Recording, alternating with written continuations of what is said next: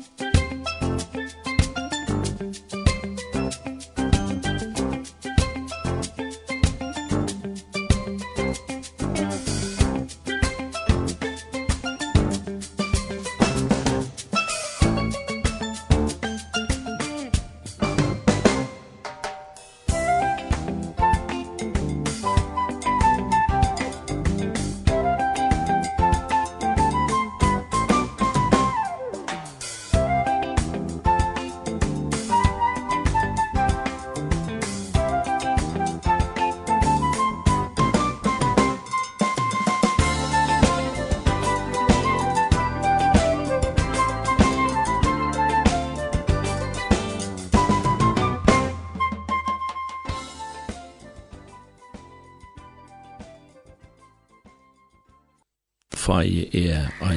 gest av vidjan. Og vi får prata og hula jeg synder. Men uh, aller fyrst så har vi ho at lesa et ørende ur Esaias er bok. Eh, skriva 600 år fire føying Jesus er, Men eh, en profetår som er givet og som viser fram til komme Messias er. Altså 600 år år Jesus var føtter skriva i Esaias hetta og kapittel 9 og vers 6. Toi baden er født okkon, sånn er givet okkon, og av øksel hans skal herra veldig kvila. Han øyder, underfotler, radjavare, veldig god, evigir feir, friar høvding. Hesi årene her, som er et av mongo messias profetien i gamla testamentet, hava inspirera og hodtidje personer oppe i kjøkken og gjerra endan det og det. Vi kan spyrir okken sjolve, Hvordan blir det til at uh, en profet i 600 år undan føyen Kristus her kunne si hans åren? Vi trykker at tog at her en god som kjenner endan fra byrjanen av, som er allmåttur, og som høyas vi liv i en fall noen med her som er ofullkom i er, så hever han styringsna, og han hever kontroll, vi kan si det så, i det som henter. Guds år sier at i fytling tog igjen kom Jesus, altså sendte Guds sånn sin, føddan av kvinne. Og han kom for som frelsar i hansins, som sagt var om han, at du skal kalla navn hans er Jesus, du han skal frelsa folks ut fra sintun tørra. Henda frelsan som god sendi heimen med sånn og sønn, hun rakka ut til enda gjerrinar, øysen til okkom i fyrjon. Og vi dyrir mong som takka gode for Jesu frelsa som han sendi okkom i sånn og sønn. Jeg nevnte at hese årene gjorde seiast til baden i født okkom og sånne er givn okkom, hever inspirera menga personer, hos mengder listamalar er ikke blitt inspireret her av Løyve Messias her. Og vi kunne eisne fer inn i tonlista heimen og sier hos men tona skal det ha ikke være hotekner av oss nere. At Messias skulle komme. Og en av dem er Georg Friedrich Händel som i oratorien Messias av Händel eisne hever eh, brukt hese årene til baden i født og kunne sånne i givet. Og Og vi får nu høre et brot ur oratorien Messias. For unto us a child is born, unto us a son is given. Musik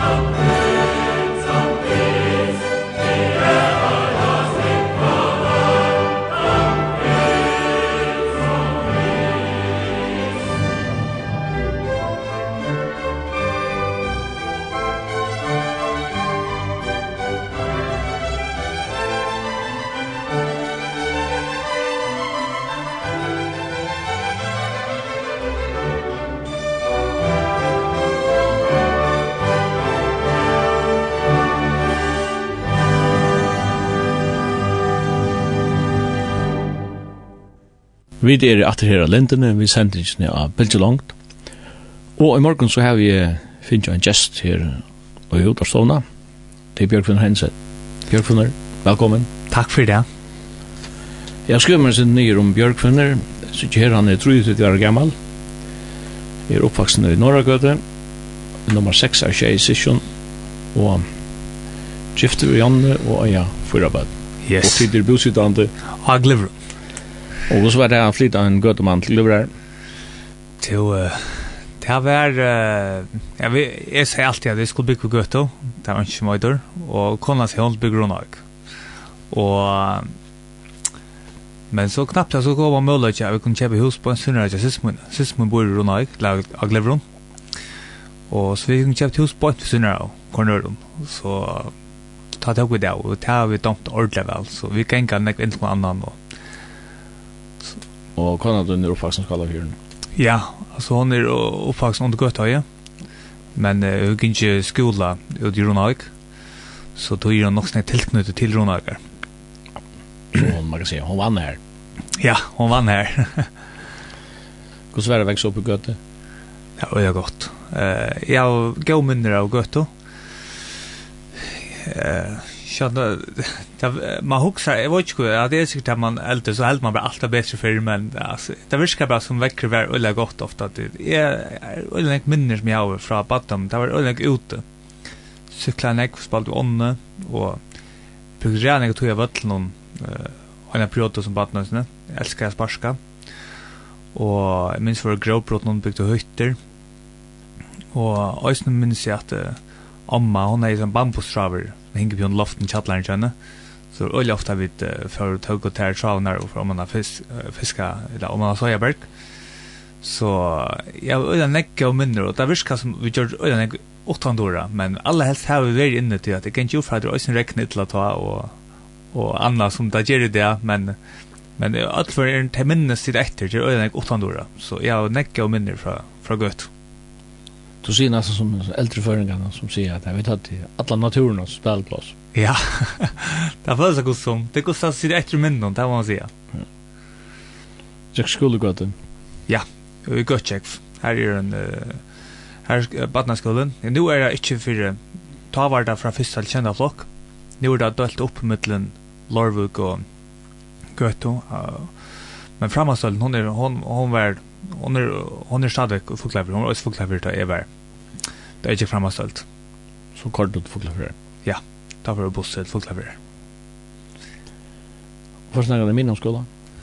Nå, jeg får i lære i PE og i Gøto da jeg var 15 år, og i hans lære. Og da skal man ha FAS, og da tok jeg mye lærte, så jeg, jeg får inn i skolen og i arbeidstøy, og tok nøkker fag om året. Så, så jeg hadde ikke FAS, som er første året i min skolen, og så hadde ikke anker, uh, anker fag om kvalitet i Øystein 17. Uh, her akademi merskonom. Og du tror du alle handler og handelsvennene. Ja, det må jeg si. Jeg har også brukt å legge tog på det. Men du var, du var løyer i handel? Ja, men jeg var lærer, så fikk jeg mulighet av å bli løyer i handelen av skalaen inspirerer godt til å handle skaløsene. Og, og så er for uh, ta av seitjanar, så, så for til skalar på løyer til handelen. Og var løyer her i allt annat två år. Bant Arne leva lära så spurte prøyer om vi skulle köpa en handel samman och sammen, og ikke nødt fälla och bygga handel i havnen, där han er PR-restaurant, och nu är det som PR-signalgøtto. Mm Og vi var ta fyra øyer, og det var jo Det var två skiner till Birarik, Birarik och så är. Och vi där inne så köpte det ut så nu är vi tryckröjar som som och jag förhandlade där. Og så har vi först lukket inn til det var 3-2, vi och Kronson stått om stekken her, vi er bodde skola och annat. Att det var en sin drøy, som man sier. Det var värsta parten av løy nå. Ja. Eh vi synes man kommer inn på troarløyve. Uh, du vaks opp i gøte. Uh, hva er det tilknyttet hei du til, til troarløyve? Ja, altså, er Kjeldan, hun startet jo i Kjeifors, er født i Åttfors, og mannen de, de byrja av gjenga møte ta i teltøyne, som var oppe i Gøtøye. Og Jeg halte det var parst av kjeltene siden jeg var føtter. Jeg minnes meg alltid jeg kom kjeltene for at jeg var helt ut til. Så det er nok vært her fra helt fra byrjan nå. Og jeg minnes også noen få møter. Jeg minnes ikke, jeg har ikke nekk, men jeg har noen minner fra teltene i Østene. Her minnes jeg var en, en, en, en grillvågner og her man kunne kjøpe grill og annet og minns jag var forskjell så stora maskiner utan vi platta klittro i och annat. Jag har alltid det där forskjell det brukt att stäpa i annat. Och så jag, jag minns fra, fra det var helt litet så minns jag inte gått helt noen sommare och annars kjelten i vetren.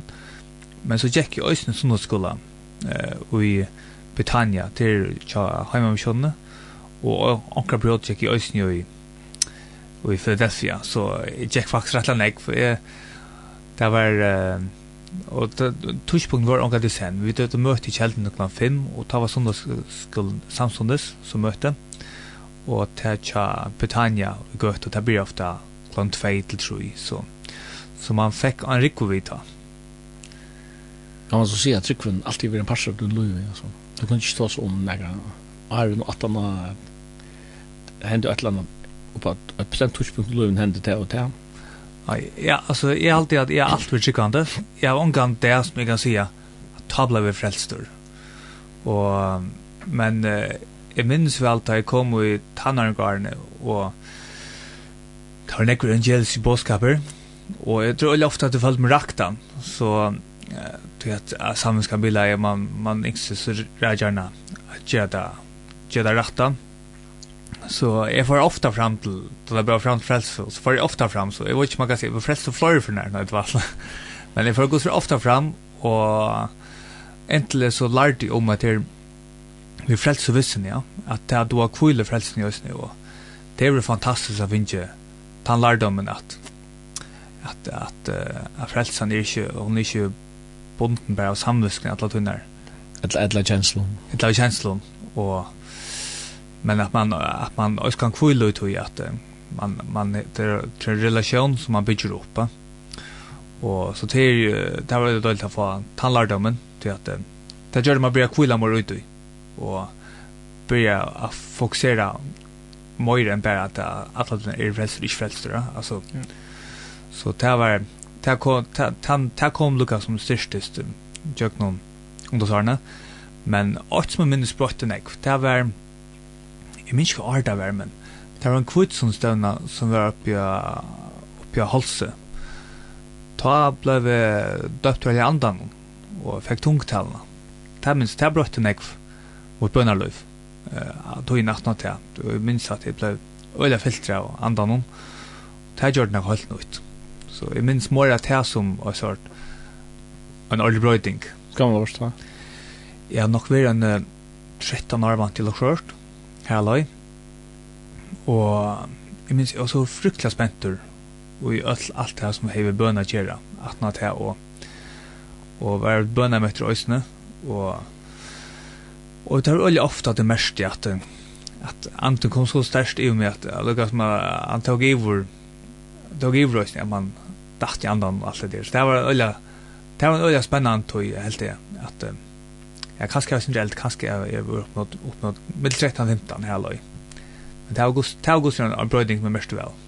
Du var, hva, 16 år gammel ta i kjeldan, flott i ure ta, lutsi kjeldan. Ja, det var det i 2004 vi kom inn i, inn i nutja salen, nutja bygningen, og byrja tjej tjejfors, hva du ta? Uh, 14, 15, 16, ja, og jeg er fra 8 fors, så ja, 15 år. Det där kommer en varje alltid som är rätt. Men det här karman är helt blivit helt örvis. Ja, det har brott öllanek. Och det var jävla spännande tog. Jag minns också att det här tog in och Arjen och Arjen flott i vår. Det har byggt och det har byggt och sällan. Det var ju ofta vi gjorde just nu. Det var vi pappa och för oss åkte några själv. Pappa, pappa är alltid för sjömauer. Så det är inte alltid att han var hemma. Men så minns jag också när vi var fullt av unge drøntjons for en leir der. Og det var en utrolig stortlig tog, og spennende tog, og, og høyre atler, disse mennene Gustav drømte om uh, hva vi skulle komme og suttje av Gustav Rydtje ta i, ta i selv med gjørte, mest ordentlig, det var drivet av en passion. Så det var en utrolig spennende tog at oppleva uh, alle byggingene opp til at uh, nødtjepikningen skulle komme i bruk følte det som det la noe antallet ut i det man har arbeid praktisk, at det gav noe. Absolutt. Altså, man følte man var ordet videre bytja hos og man vet kjørt og rammen der for det som god skulle komme å bruke enn større, ja. Vi, jeg kjente ordet vi bygde, vi bygde størske rammer til Guds vilja, hva han kommer å gjøre, og kjøkken kjeltene i følge. Så det var en øye spennende tøy. Bjørkvinner, jeg tenkte på at uh, du, jeg vet at du er en Israels, Israels viner, uh, men jeg husker jo om uh, jeg bidde av alt akkurat sanger ut. Og det er sikkert sindra relasjon til Israel. da. Ja. Det var jeg, jeg husker en sang som godt kunne spalt, det bare så kunne du ha akkurat fruktelig rytmer i morgen, det er uh, Gadol Adonai, det er uh, at det er uh, ur sjankum da vi bor i Israel, så gink vi alltid hessa sjankum som er King of Kings i Jerusalem, og at her er ur Tara Låsanskjør som synger av sangen. Du bor tver perioder i Israel, da? Ja. Tredje måneder, og så bor vi i Øsny og i Holtar og innenfor. Ah, ja, Jaffa Street, eller hva var det? Det var Jaffa Street, ja. Okay. Så det var mitt i byen. Mitt i Jerusalem? Ja. Så det var fantastisk, det skal, ja. Og jeg var, det skal nok man komme i nå øsne, uh, fortelle hvordan vi opplevde å bygge i hjertene av Jerusalem. Men her var det altså, det tar seks måneder, og du tok henne sannsynlig til den, hva er det, Gadol Adonai? Ja, bare den, bare tar seks måneder og seks måneder, så var det en sangkurs på Javna Sundsjen, og en fruktlig sjankurs, så Gadol Adonai, Gadol Mesher, Staurer, og Adonai er akkurat god, Staurer er akkurat god. Så vi kan kanskje hørst han først, Arvid det gjør vi. Ja.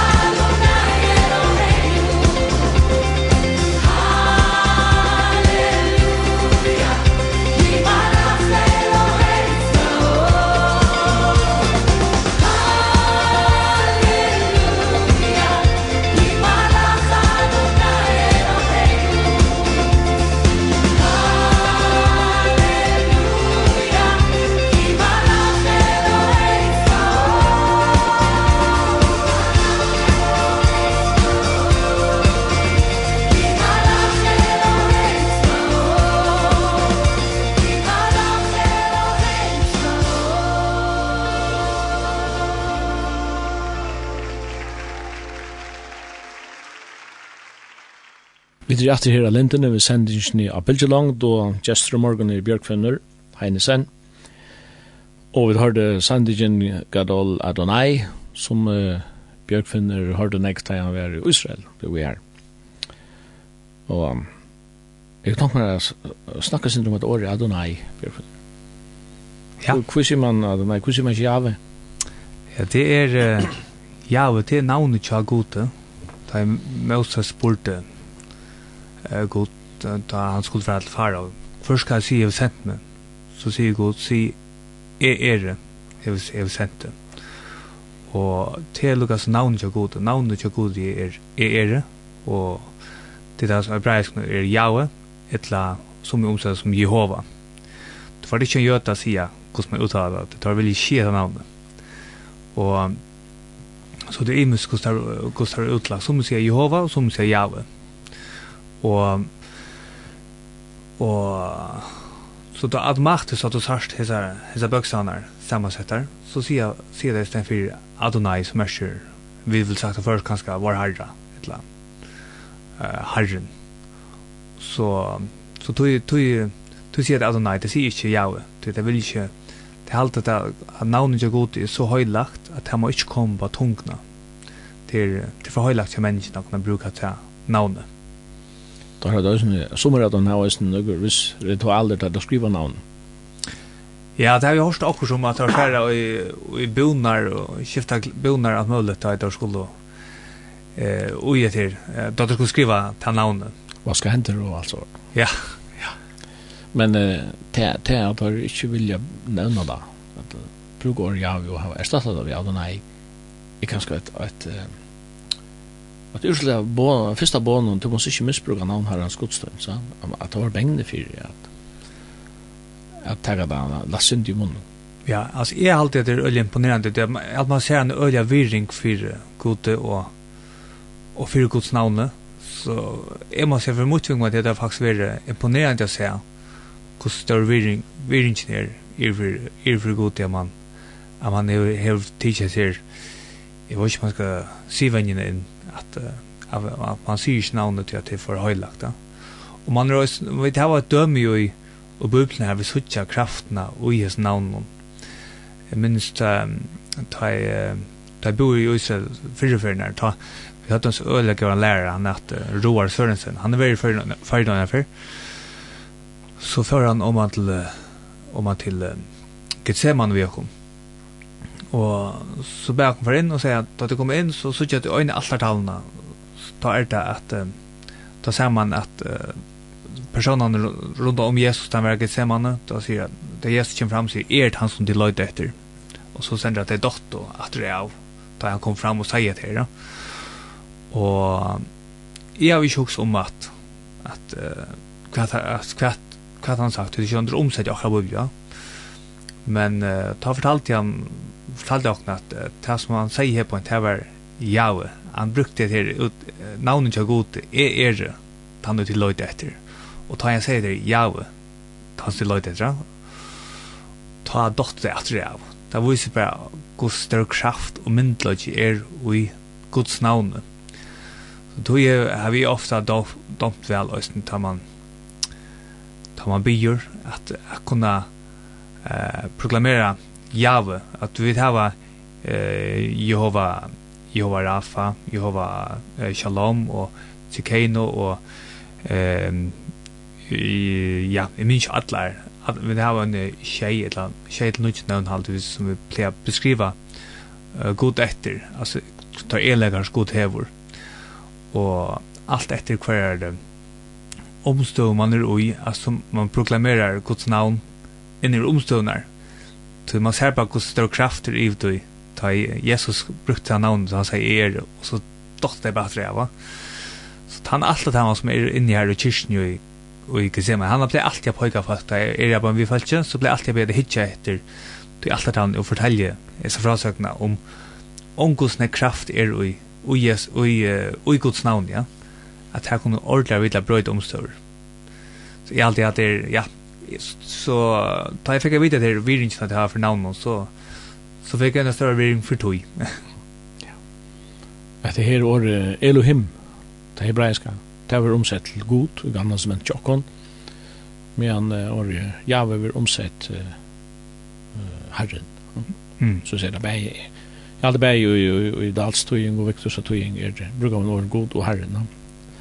Avgjøres til Elohim og, og til Jave. Men man ser ofta när jag vet hans uppgift till till han till Sottmalla och till Sottmalla tanken och Beringstanken ligger det då. Men Elohim är mer generellt om om det bara brukt om alla godar. Mm.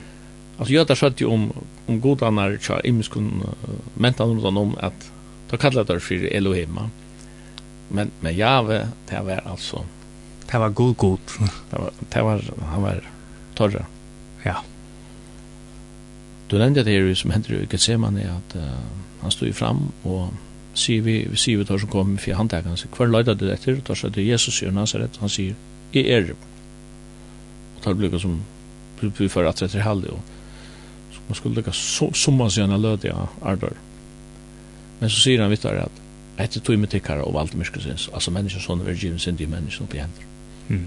han er ikke mest valde ta nei. Men han valgte ikke bruka det. Du, du sitter her i Israel i seks måneder, og i en og tog skoj, var dette fyrre tog skoj det var nu? Det var 17. Det var 17. Fyrre var det trodde måneder? Ja, det var... Uh, det kom alt først at vi får, jeg og Jonna, vi får bøyskola i Svørkje, Kjallivet sår i Uppsala. Det var i 12-13, og skolar 12-13. Og det var en øyla spesiell sankoma. sankumma, og en utrolig uh, kærlegan og Israel, han sankum han. Og det har fyllt en ekve, altså bare av alle møtene, så ble det bi for Israel, som jeg minnes, og det var prayer school, som sånn kvann det, at når boskolen lever, så var det alltid en tumme uh, bønnemøte. Det kallar prayer school, uh, at når kvann det, og det var alltid Israel, som sånn bi for det. Nei, jeg årsaker, det var en av vikna, og Israel var lagt av, jeg halte det var høstavar, det var lagt av til å bi for Israel og så man mest at det fyllte øyne jeg. Og øyne øyne et evne i bøyskolen det var det var at jeg bia fyrir og det var undervisning om Israel. Og det var med et annet roer Sørensen det som var lærer i i Israel ta bo i Israel fyrir fyrir han undervisning øyne jeg i skolan Sørensen ta finner ta vita om at det hadde et bibelskøy uh, i Israel som at Israel total. Og Hetta fengar jeg bøyna vi okkar mer smøyt, bare ikke mer jom nå. Og vi tar man kunne tekna seg, så var vi det første timmelet av kom på denne veien. Og det var akkurat om det måned, så funnet oss til Jonna, hun var på veien. Og da minns han at uh, nek sa, åh, hvordan gjør det nå, fært fra Lugal? Uh, du må sikkert droppa det. Men vi kjente ordet vi skulle fære. At det var, vi kjente ordet hvordan slåssløsning vi skulle fære til Israel og han da bibelskolan. Og han byrja i februar 14, og Birgitta, og eldsta døtter, hun er født i oktober i 13. Så da vi først det, da var hon hun var bare trutja manar, lukker trutja manar. Og det var et ordentlig troer, år siden fra sted da. Uh, så Jonna var barsel, og vi først sted, og, og systemoen og maveren, den, den som nevnte jeg började vet han som fikk oss under av Glevron og Sonja. Sonja og Rekve. Eh och Tora Tora Else Sonor han som Lako det kom oss vi var allt allt samman och Leon och upp på samman mitt i Jerusalem Jaffa Street. Och för såna boskolan och det var en fantastisk tog och bara för att vi sa Guds trofäste i samband med attack och kanske månader kom dött vi så var hon ångad och sjuk i alla 20 månader och det gick fram urgott og Jonna hon hon hade avsla gott. Hon gick Basel i Jerusalem och gick hon gick ut av pastur och hugga seg om det men vi var på skola och hon passade oss när han lack och så det brukt hon nekva tog att gänga bara rundt av Jaffa Street och ginga turer om man åkte för dem man grattmuren och och minns då att att, att uh, det var ofta och snubba turer kanske över till Gordons Golgata och hatt forskjellige opplevingar med vi var i skola. Så vi gikk skola om dagen tar fra halv nuttjo til uh, halv til halv nuttjo uh, 8 til års der. Og så det var fyra der vikna, og så hadde vi et uh, trutja der vikskiftet. Det var fyrir at vi også kunne oppleva landet sjolv, ja. Så Isra Toltol, dette var en bibelskole som ikke bare var en bibelen, det var også om svensk politikk, om, uh, om uh, arkeologi. Så vi lærte alt møvlet om landet. Og vi gjør gjorde oss rettelig nekk på sjur at affæres kvart vikskiftet. Vi løy av bilar og ja, for å lande opp og nyer. Så det var en utrolig røyktøy å kunne være i landet på så, så det her, utrolig måneder. Og ja, så det var, det var fyrtur vi tatt i Israel. Da lærte vi alt mulig om landet og bei bibelna og om nutja tøyer og søvna tja jötun og tja Israel. Og så igjen det, så hever en parstad og en hjertelig etter Ja, purast da. Ja, det det blir langt i det blir langt 26 da var ta var det første turen. Det var Arn for det var sjejan gamal, det var først for Israel. Ta hei ikke stor interesse for Israel. Det var elvikinga. Det var et tungt sletje eh det var syster min og mamma min At Anna syster vi der som nevnte blev for tjej syskon Og at Anna syster min som hade bist hon er vel Israel 25 Og hon helt at det burde komme vi oss 26 Og da samma helt mamma min og til lukka på vi på det punktet det skulle færa færa vi Og det enda så er det før, jeg måtte jo oppe og på en tarmen i først og og vi enda vi var tre syskjen fra sted eldste bort som gikk, han var også vidt han turen. Og ta jeg vidt uh, lento, ta ble vi, uh, jeg var ikke noe minnest, ta ble vi tvor kjeske hermen uh, kidnapper og, av Hezbollah i Libanon. I Libanon. Og ta ble krutsk da, da satt Libanon krutsk byrja i ta. Og vi var jo i Norrusrell, Og det var særlig Norrusrell da krutsk var, at det kom nekva raketter fra Sol-Libanon. Mm det var allt det, allt det gjorde det öjligt intryck. Vi bor i, i Sofia som är en bygd cirka 20 minuter köra från Haifa.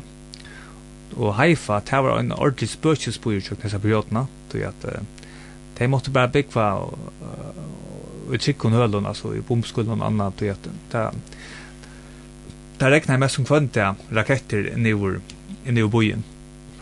Och här var vi bort vi, alltså bara 20 minuter från och hørte då tar raketterna lent och annat Og jeg minns også når vi for, at når vi dødde veri her Norge alltid en trutja viker, så får vi sau og lande, vi sightseeing i en vik og her løy.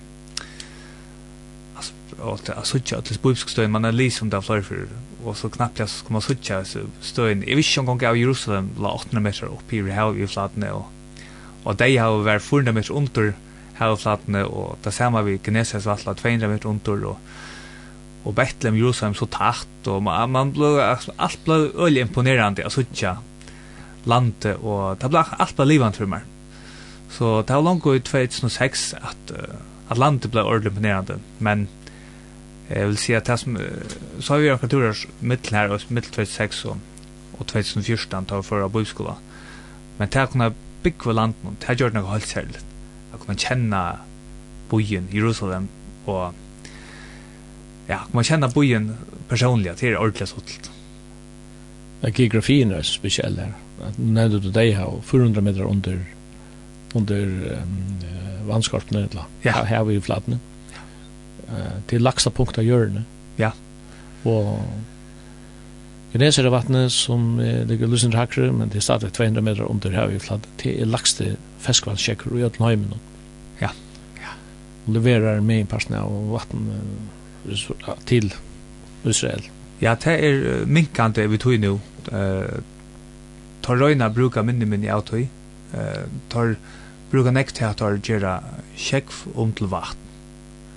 Fyrir jeg skulle ikkje bruka for nekva og gnesas vatten tog at det som hender det er deia og det tåttnar. Altså, høves vatninntøkkan tja deia og no er fra gnesas vattnet. Og deia og det, det lackar, lackar kvart år. Så det røyna at flyta seg vekk fra bruka for nekvur gnesasvattnet, og heldre bruka uh, at det gjør sjekk om til vatten. Jeg minnes det fra det vi var sørst i Israel, jeg var i 2019. Du var sjåler i, jeg vet ikke om du var her siden. Jeg var ikke vært siden 2019, det var sørst i Israel. Covid-19 har gjort sett, den stoppar for deg. Ja, alt som har lønnsigt av nå, det er helt gal. Ta minns jeg at man Da man skulle få simje det här och man är så skiftet rummen. Ja, det har också längt att gänga ut till kökven. Ja, ja, ja. Det är det enda steg här för man vid traktorer eller så i anhängare att han för det. Är man är det man har kort för man vasskorna. Det skiftet rummen att det blir byggt så har vi vasskorna varit närmare. Ja. Ja, du vet det där minkar öljan Man man ser oss då du är sån sån eh ta ena steg här där som man pratar vi ofta för till luckan ut att här blir så nästa sån eh sinkholes, jag vet inte man kallar det för sån sån lummar som det är det är som Moreland det santor och och ta i vattnet lukar som tottnar och vatten minkar så så är ösen ta vattnet ligger under bottnen då ta ta för ösen veck och så kommer så en söckhål mitt i mitt åtta man vet ut ja. Kan det vara vandabitje ja absolut ja ta man vet aldrig när det sker och og det kan knapplega så kan det så kan uh, gjøre det undan her som, her som du er da. så tog jeg da lukka det øyna det øyna stedet som man platt jeg vidja ofta fyrir til lukka i det tog jeg at vi tog økken var så nekva nere at, at, at det gjør lukka som sakk undan bant rundt om til økken så, så det kan absolutt være vanda mycket Men Bjørk, som vi svendt atlan i bibelskolan, ja. du trutja manar i Jerusalem alltså bibelskolan. Vad är alltså bibelskolan att filali av svårighet eller kvart? Ja, att det var livets år som en livets år av just så otroliga sorts arbete för Israel. Det har haft ett projekt som kallas Operation Japotinski. Här de har hjälpt särskilt just att hjälpt några jötum från från förra Sovjetsamvälden hjälpt dem till Israel. Og ta et her prosjekt var livet, så fortsatte det stadigvæk å hava en basa i Israel. Mm og jeg var gjørst med andre og enka turer. Det er gjørst nekva turer til Israel, men ta øyne var øyne til at jeg byrja på at jeg skoje. Og ta var, ta var det nekra fyr, det skoje. Det har øyne haft det den samme budskans vikinga og svørkjøm, han hadde øyne røynta haft i Israel. Men det rikka ikke lukka vel her det her på en tøy sin torfer av oppjastløyver til feltet, så der. Så tøy for den nira trutja måneder skojer stein fyra. Det er trutja måneder, alt som kom inn i Israel få turistvisum på trutja måneder og og og vi vi vi var passa skoin og og teipa veri einar frá arren. Vi halda ver på einar frá tvær for 18 til. Eh ta var ta var imsk omsorg liva så som gjorde at tei stekka ut skoin Men eh ta var veldig populært. Ta ta perioden ta ver og jeg jeg halda ver sjølv ulla lærukt. Læraren domt ulla vel snær roar sjølsen domte vel fit vi skulle lära allt själva. Han var inte en sån uh, hönlig lärare på samma sätt att minns han platt bara tjockna en adress och så ja, morgon tar börja skulle gång den ut ut i stenen. Alltså kanske vi kunde minns ungefär när skolan igen knässet. Och anki vi vet att samlas i skolan som vi känner till och härifrån gänga samman igen knässet. Han säger att det mötas åtta knässet täta tuschpunkter. Så måste vi själva finna ut hur vi kom nian och Det var han gjorde det för vilja för vi skulle lära oss att gänga bo i någon och og att bruka ja, bruka kors og annat så sa att man känna bojen. Och tält, det var det så litt. Det gjør det är och är och räck för men vi gjør gjorde oss näck auto ja vi vi vi tar ofta gäng vi var ångt i man gamla bojen. Jingo dok vilstar, där, det är en i gamla boi, Han er, han er inte staurur, men han er, er han er bara 1 meter gang 1 meter. Men uh, han er bygg av lukka 40 folk inne og her er kryss og tvers av gøtten, og du blir ikke kjøtt vilstur inn her. Og jeg vil så gjerne komme kjenne, kjenne Lukas gamla, gamla boi. Og så vi prater for om han her, og jingo kom vilstur, bare for at vi vet hva det enda, og for å finne veien ut av Så det var ordentlig akkurat for en labyrint. Og så det er dumt du øyne vel at gjøre det her, så lærte boien her. Men også gjør det nektig at jeg platt å renne i Jerusalem, og her rann noen lukja løy, rann med vilstand, bare for jeg finner til hvordan jeg kommer hjemme etter. Så man kommer kjenne bojen bedre og bedre. Og så gjør det også til at vi ødel for gongtur. Her vi for utfører bare rundt i Jerusalem og, og rundt at jeg kommer kjenne bojen bedre og bedre. Hvordan, hvordan folk bor i Jerusalem? En million? Jeg har alltid det her løy, ja. Og jeg kan mye med at jeg liker om 900.000 en million, ja. Og til er en omstrøyde bøyer? Avgjørst. Avgjørst. Det er... Uh, du hevur særlig er tatt til kjemla Est Jerusalem. Ta hevur du nekvar rapar bekvar som og som ikkje vilja helt vikjenna Israel som stat. At du hevur du hevur nekvar arabar som vikjenna Israel som stat. Du at skal minnast til at 20% av israelske statsborgaren er jo arabiske statsborgare men i Est Jerusalem uh, så hevur du også nekvar palestinske araber, altså araber som ikke, ikke har israelsk, uh, israelsk uh, statsborgerskap, og som ikke vilja virkjenne heldur Israel som, som, som land, og hadde yngst at, at landet ble dalt upp i tvei, og her det ble en, en, nytt land som skal til Palestina. Så her kan også være sin det overfri, særlig Øst-Jerusalem, vid Damaskus-Borset, ofta när man hör om ser eh terrorallöpen som är så hörde öl ofta i i östra Varsjabyn. Så där kunde vi ta mest då också något av vårar till att Jeg minns en øyla tragisk hending som var til å bo, og det var 17 for det bo her.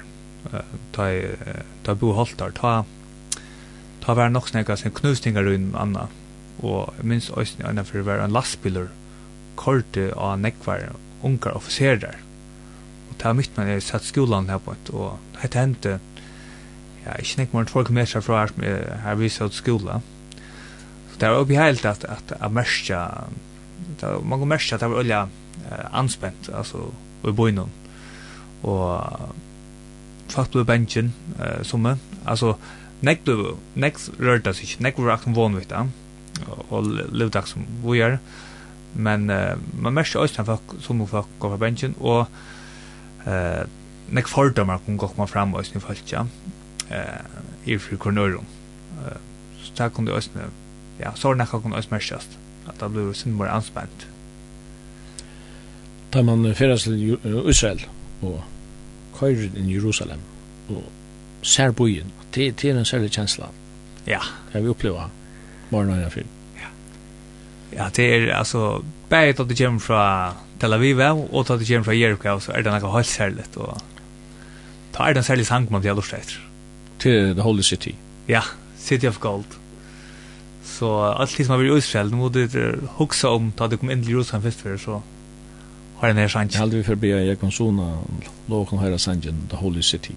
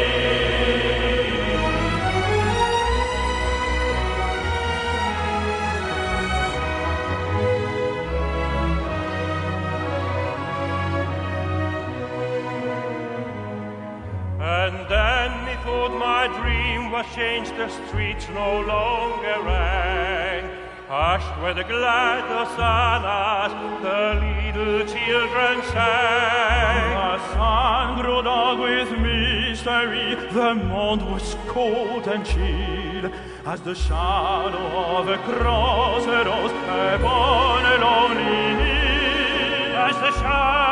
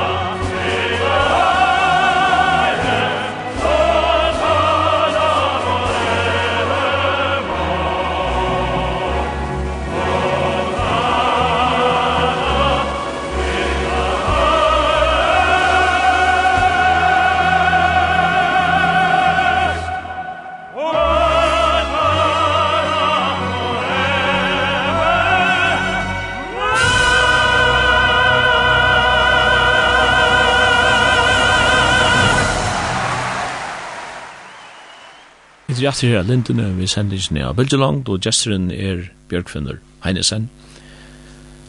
Uh, Bjørkfinner, vi da tås syndrom Israel, og du var her i Trudja Mannar og i 2014, og tjekker skole her og lærte synder om om falskje, om landet, om arkeologi og om politiska søv og sånne her. Var det så leis, da bor vi ikke parsten som er pastor av oss ned?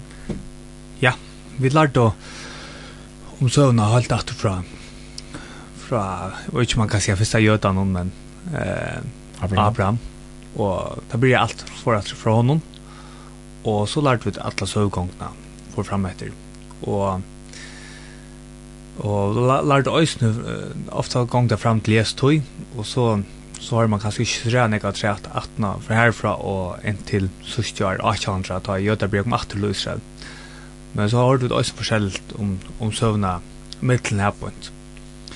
Og så det var öliga spännande att få alle søvgångene til Ja, søvn om götarna, så kan säga så. Hvordan tjekker vi checkar vi att stämma arkeologin är vid de frasøkene her? Ja, det är faktiskt avhåverst at att fer att när fer så viser uh, fotofrøyene til arkeologin hon präkvar år. Alltså, det var, det var um, forskjellige utgrefstor som vi ser eh vi han han snär Roar Sørensen som var lärare i skolan han så öle har i arkeologi og för runt vi och att möjligt in ska öker och det var otroligt spännande att söka eh kus alla systemen som har ja man läser om det men man inte fun, man inte vet om det är fiktivt eller om det är verkligt och och så kommer man runt att läser ökne här du griver fram och så ser man att att att att bulplan hon präkvar sig själva. Eller arkeologin präkvar bulplarna. Och jag menar särskilt att man på närmare rannek, det var Hebron. Det är en av de på bojen i Jötnum. Och jag vet inte om jag att det första pastor är det första öket som Israel hade gjort. Det var Abraham det Abraham upplevde omkant i Israel som land han var han fick lyft till lucka men men han checkade lucka gjort han var där och det hade konan John Sara hon ju. så checkade han Macpela hette och och marsnade om här på ett till att gräva Saroi så vi följde Hebron och Vicha och i Macpela hette och det här helt var öliga speciellt det här ligger alla passagerarna här ligger här ligger Sara för det första men så ligger Abraham och och Isak og Rebekka og och Jakob och Lea men uh, hon själv Rekol hon hon dog ju när för affär han åtte Josef så hon hon ligger på en åtte av i Jerusalem. Betlehem ja middelen Betlehem i Jerusalem ja. Och så att uh, uppleva Macpela det var speciellt men så med var här på Nøysene, så så var vi då Nösnen så när ogräsor så här och här hadde ogräsor helt atter från Tøyne til Abraham da Abraham levde. Mm så att jag så samman till att här vill bosättningar och annat och Og her var minst av en trappa, så da minst jeg trodde at aller helst hever Øystein Abraham Kjolver og Gintja av den trappen.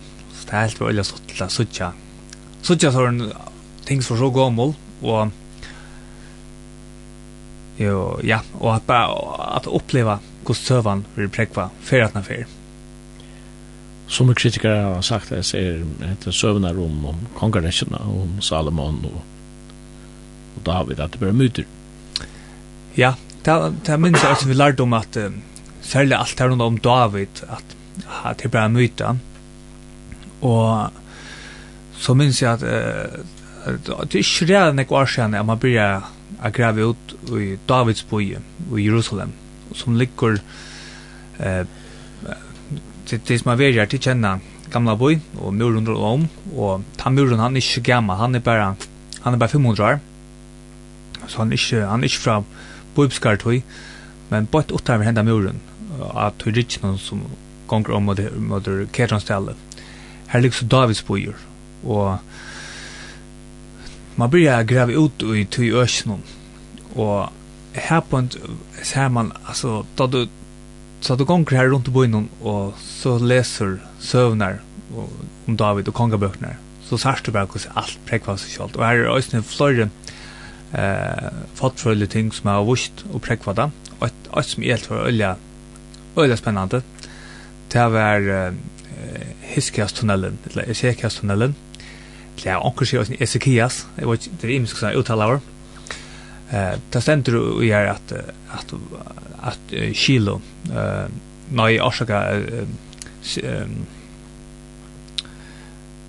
Gihon Kjeldan Gihon Kjeldan, han la på en 800 bojen Og det var et øyla valgt punkt for henne bojen, til at det som fortsatt gjør det, han kunne komme til, til, til Jerusalem, og så kunne jeg bare brøta uh, det er verden som la rundan om uh, Gions kjeldom, og, så på den måten kunne jeg vinne bojen til det finnes ikke 28.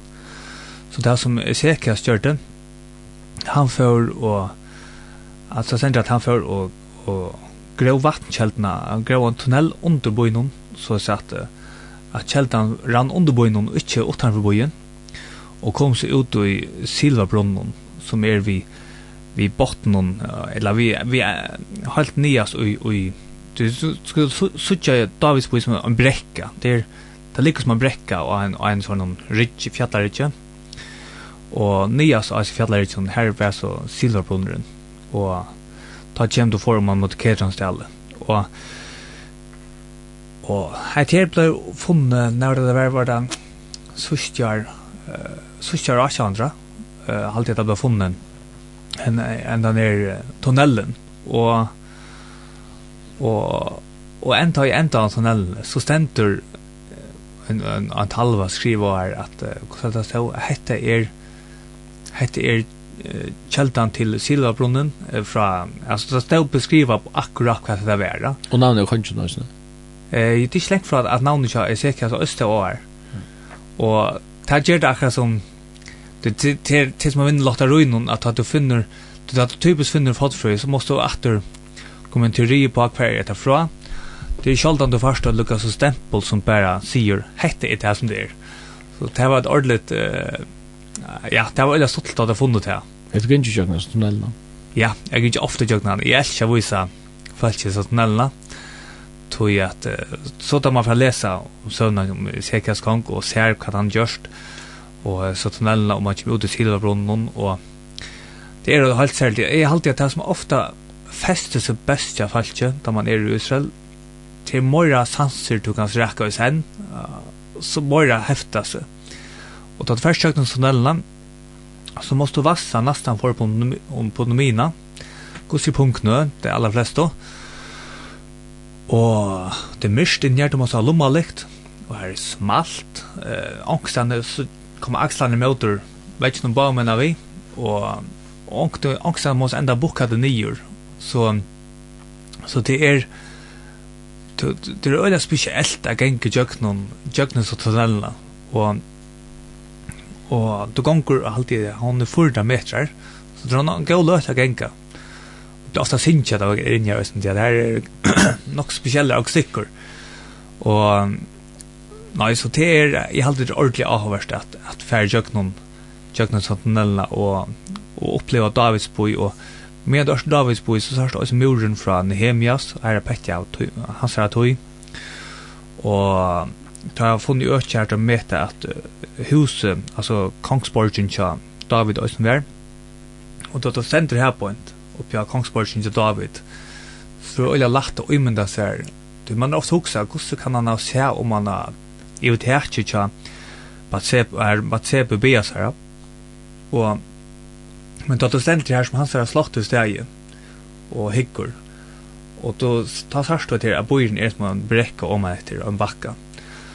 Ta er det øyla lagt å imynda seg, han er steger oppe, til han ser slottla av, avast i, i bojen. Og han er hukt om meg etter, ta er öll hinne husne nya för hans här hus så då ser han man i så så då är det dags på så blev det orda levande och då sars bara att här här är ikke Iva sig här heter Davids bojer att de unga arkeologiska fund någon från Ajanotalen i Jerusalem er Bethesda-hildere.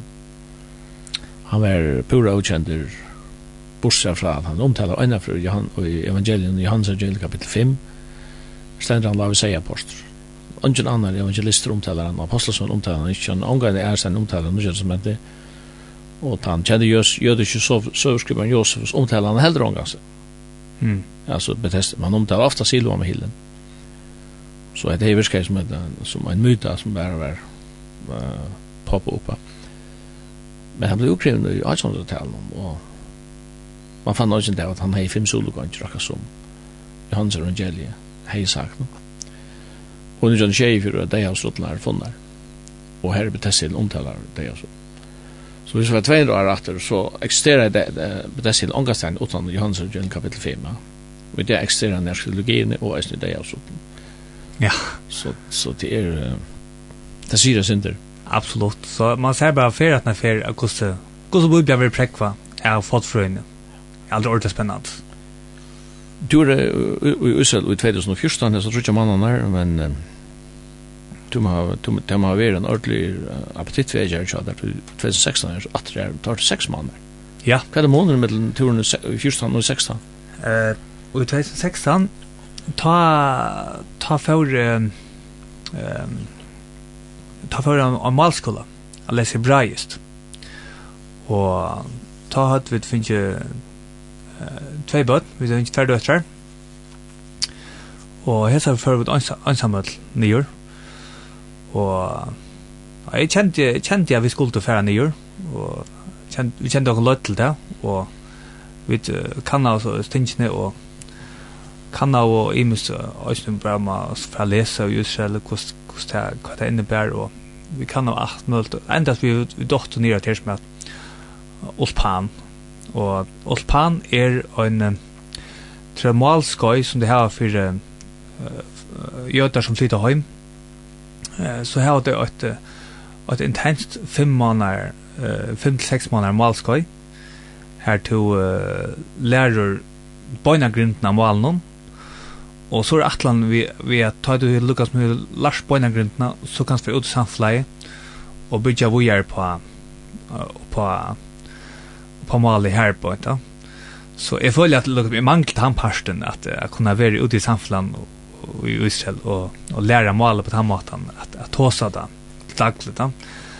Men jag var så parsten i skolan och vi för nyår och Jonna hon var så hemmagängande och jag ser och jag halva året og hon var nekk på samme måte som fyrre fyrre, så hon var nekk ute, ute, ute i parskon og fikk, og også hesa fyrir ta, hon fyrir i mammabalkar og og jøkken samkomna som vi gikk gjengu King of Kings.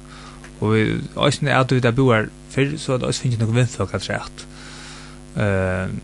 så det var nok stort, og vi tatt og onker vindfolk som æs en bøtten i samme så vidt som æs plata oss vi så men dette var en valskole så hessa har det å lese hebraist og det var akkurat ærvise og ærvise ting det at jeg sitter i middelen det ser Det var nekki, var flott kjem vi øre jøtan som var flott fra heim, fra alle møtes rundt verden, det var bare fra Frankrike, England og Kanada, Amerika, og, og høyra lukka som tar passion om hva det er litt heim, det er nekka den flott, flott fra gauon loivon, her som det var fra, til et nytt land, her de måtte bytja, faktisk må bytja det oppastra nudgjena.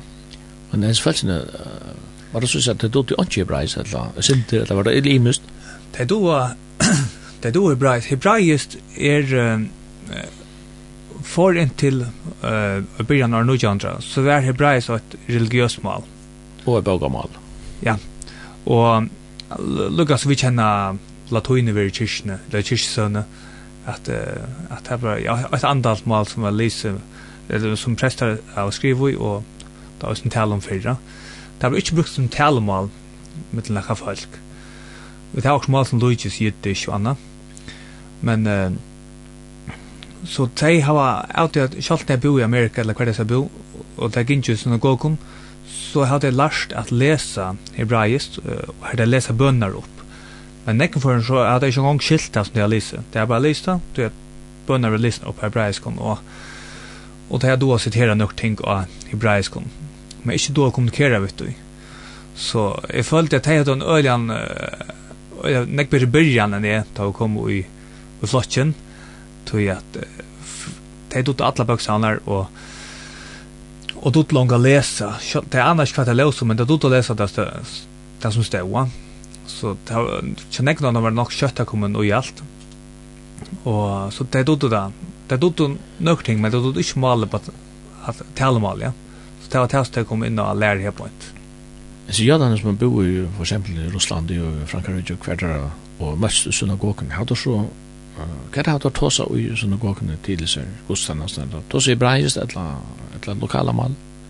Eh, som jeg har skilt så det er en blandinger at, at nøkker ting av opplestre og av, av bøn hever ja, hebraiskon, men så er det også vi tåsa ut i malen for at för att det skulle skilja sig av av av gudstjänsten så så det ös fortæller så egna mål men det kvar ös vill läsa upp och bönar särskilt så bönar som det skulle be tror om dagen. Har ofta vi upplysna bönar av hebraiska. Så en sån blandingur som jag skilta Det gamla testamentet blev omsett ur hebraiskon till grekst, läs längt och fyra längt fyra ja. Du du du så sånande Septuaginta i, i Egyptaland. Og årsøkjen er at det var sånne jøder som ikke forstod hebraisk. Mm. Så det var pura avskåren fra å kunne lese Tora Eina og Gamle Testament. Tog ville man gjøre dem denne gresken til den hele niska mentan, hon er jo Jøkken Surka, større parste av, av London kring Mia ja. Ja, men ja.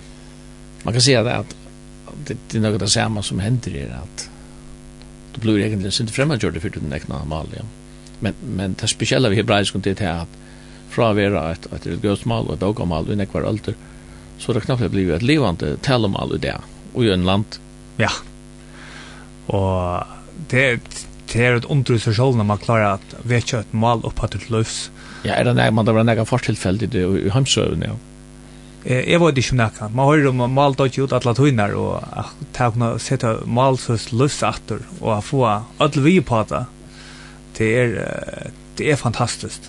Og Og det er også et av tingene det har rønt av er det er alt olpanen er veldig effektivt som malskolen, det er gjørst på, det er det er skogsen da også at byrja i.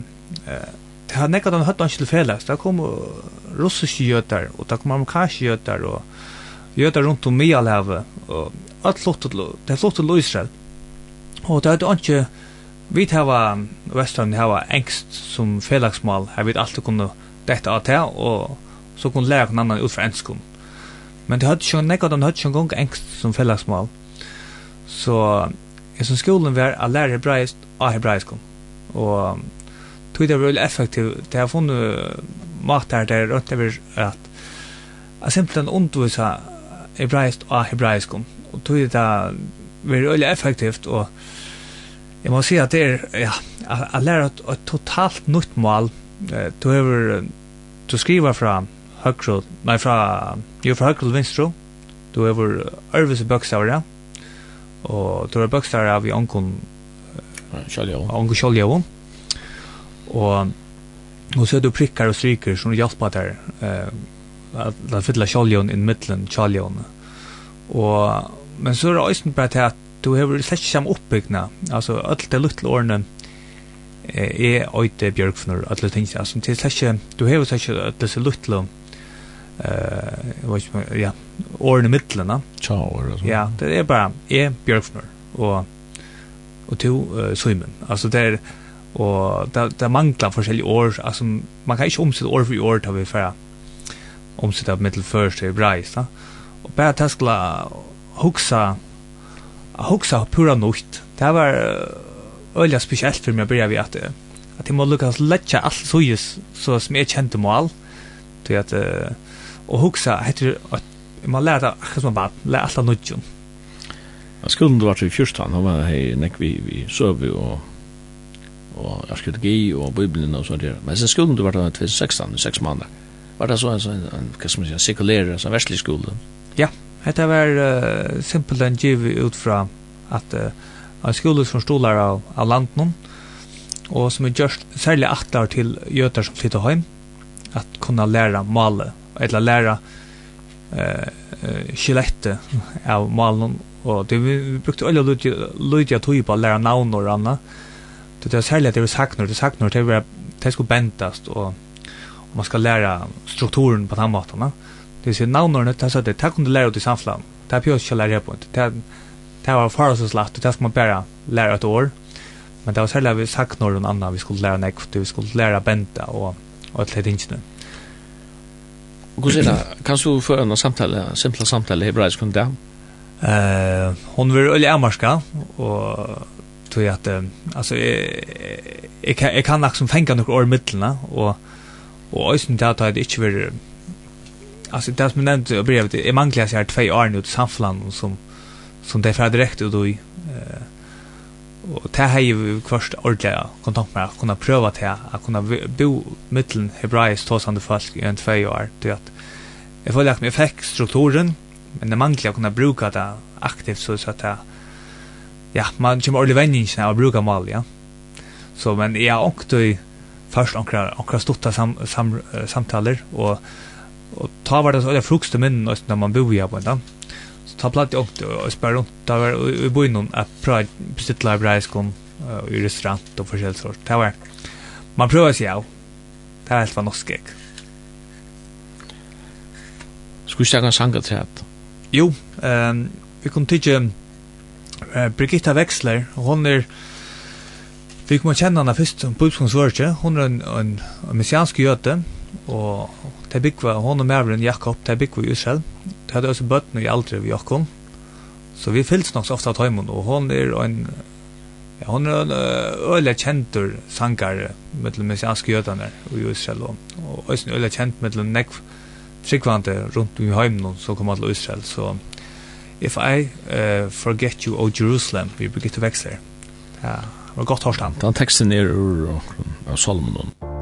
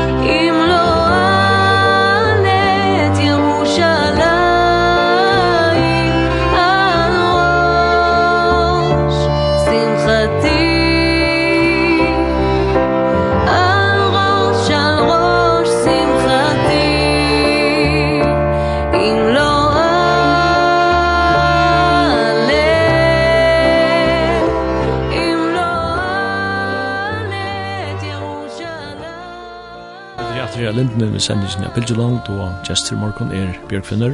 Eine sender vi da og snakka nek om Israel, og jødene som er jo et av hjertamann til Bjørk Finner. Jeg kan også være lise i Rombrand og kapittel 9, og her stender jo om her Paulus sier om sitt egna falt, her er jo Israels menn, tar man tilhører sonaratteren, dörden, sottmallan, laugavan, godstannasan og lyftene, Tøymen tilhører fedraner, og av tøymen er Kristus kommet etter holden, han som er god i vrøtlån, signaver og i alle av. Amen. Bjørkvind, da jeg leser i årene her, tar jeg tilhører, tar øye alt dette her, gjøtaner, hette det hette det som du god til givet dem, og du hikker etter Israel i det, altså. Hva sier du? Du sier ikke noe, hva skal man si, du sier ikke noe tryggvande tjau, hvis du kan si det på den måten. Nei. Um, altså, det er bare, jeg halte jeg la 20 000 misianske gjøter, det är växande tal men det är öliga lite så också med det big var 90 miljoner i landet och det och det är 15 eh, miljoner jötar i hemmen till så är 20 000 messias jötar otroliga lite och hvis onkel Ivar som kan messias jötar är skörda det vil ikke kalla jötar som trykker på Jesus kallas ikke kristen men det kallas messias jötar det er suttja som så som jötar men som har funnet messias funnet han lovar ja. Nei, altså eh det sentrar at at at det var skall för egen, ja. Og han skal ta skall ja og det skulle komme av sucha. Og man eh,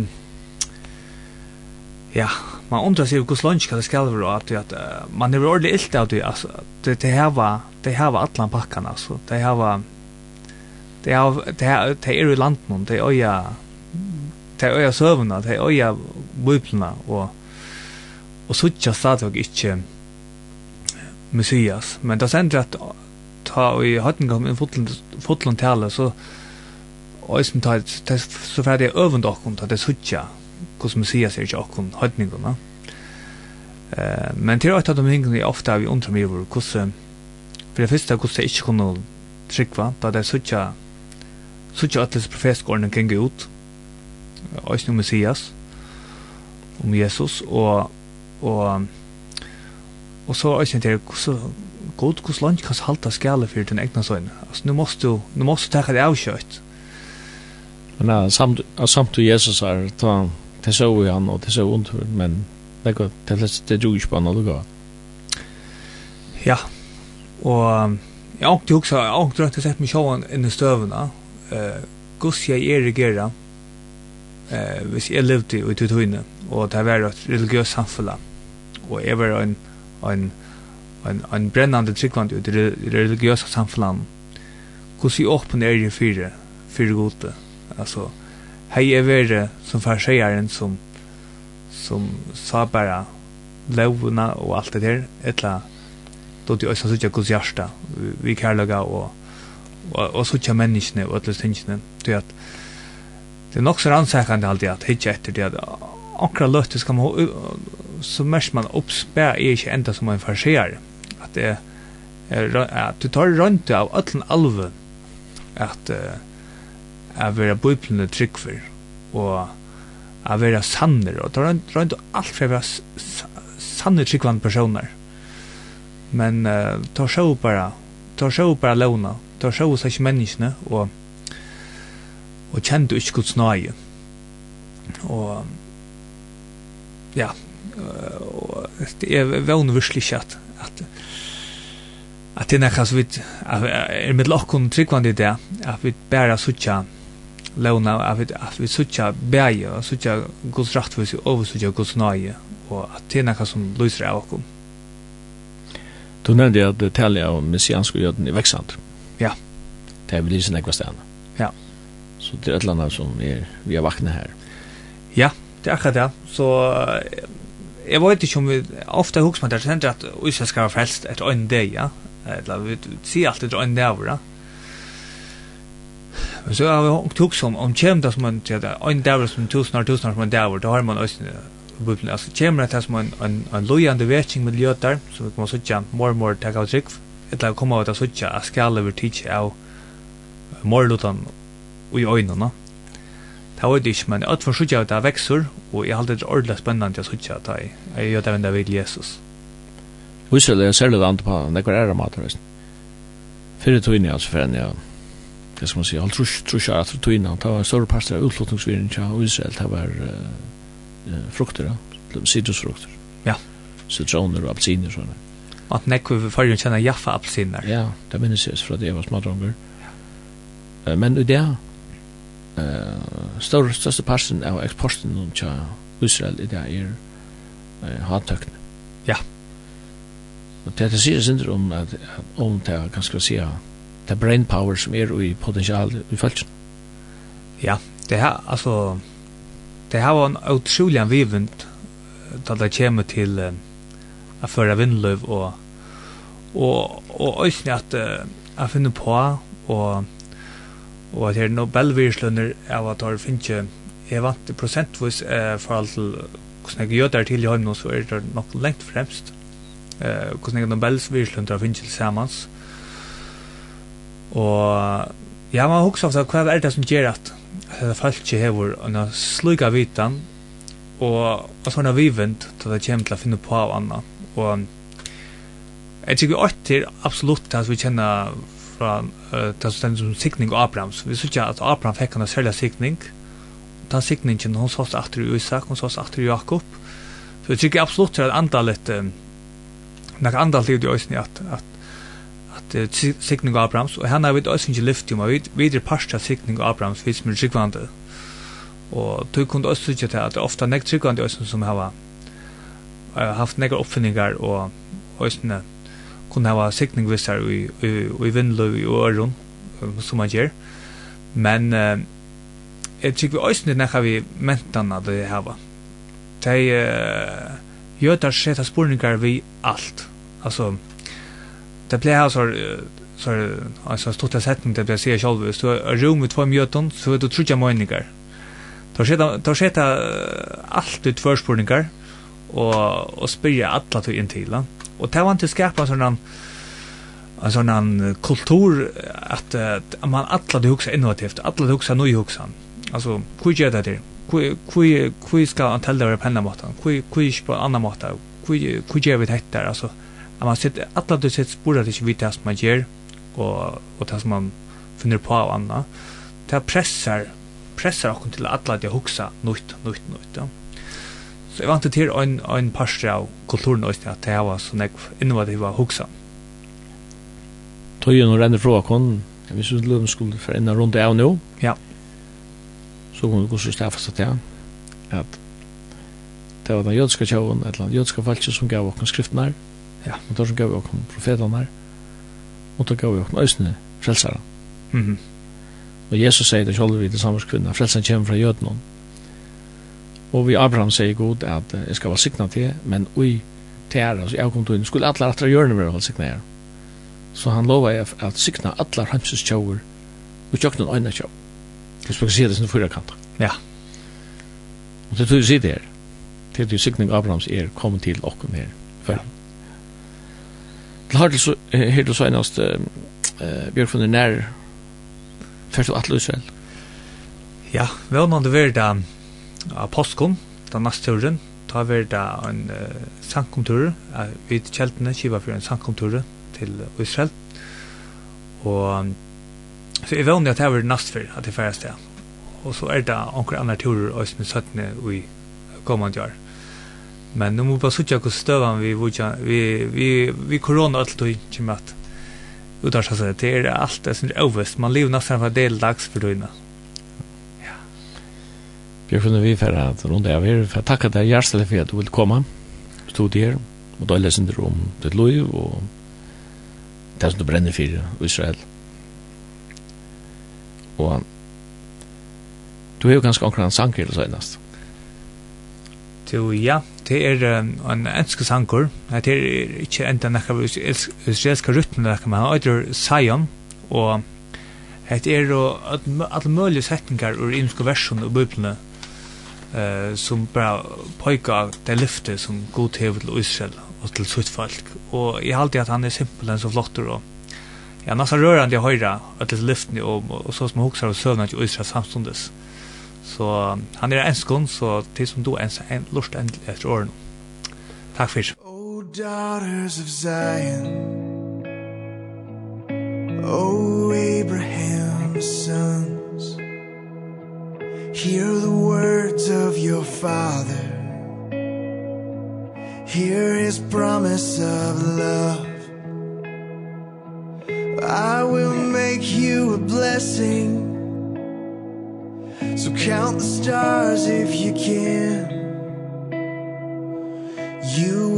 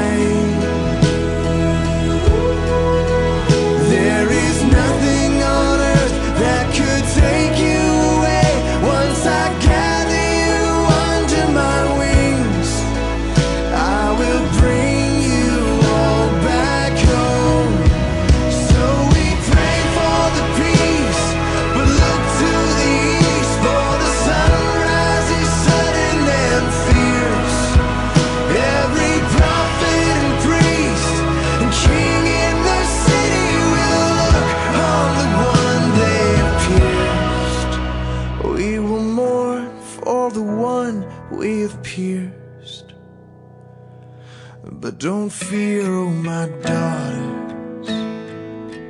Oh sons of Abraham.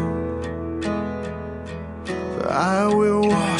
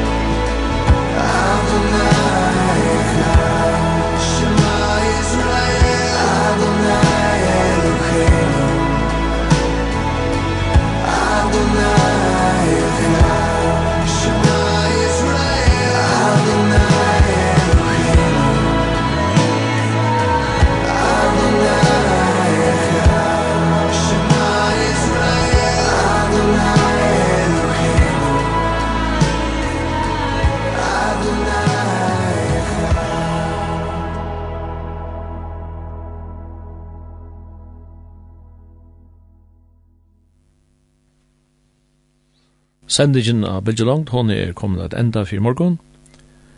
Vester var Simon Absalansen, gesturinn der var Bjørkfinner Heinesen, og teknikere var Jekon Sone Danielsen.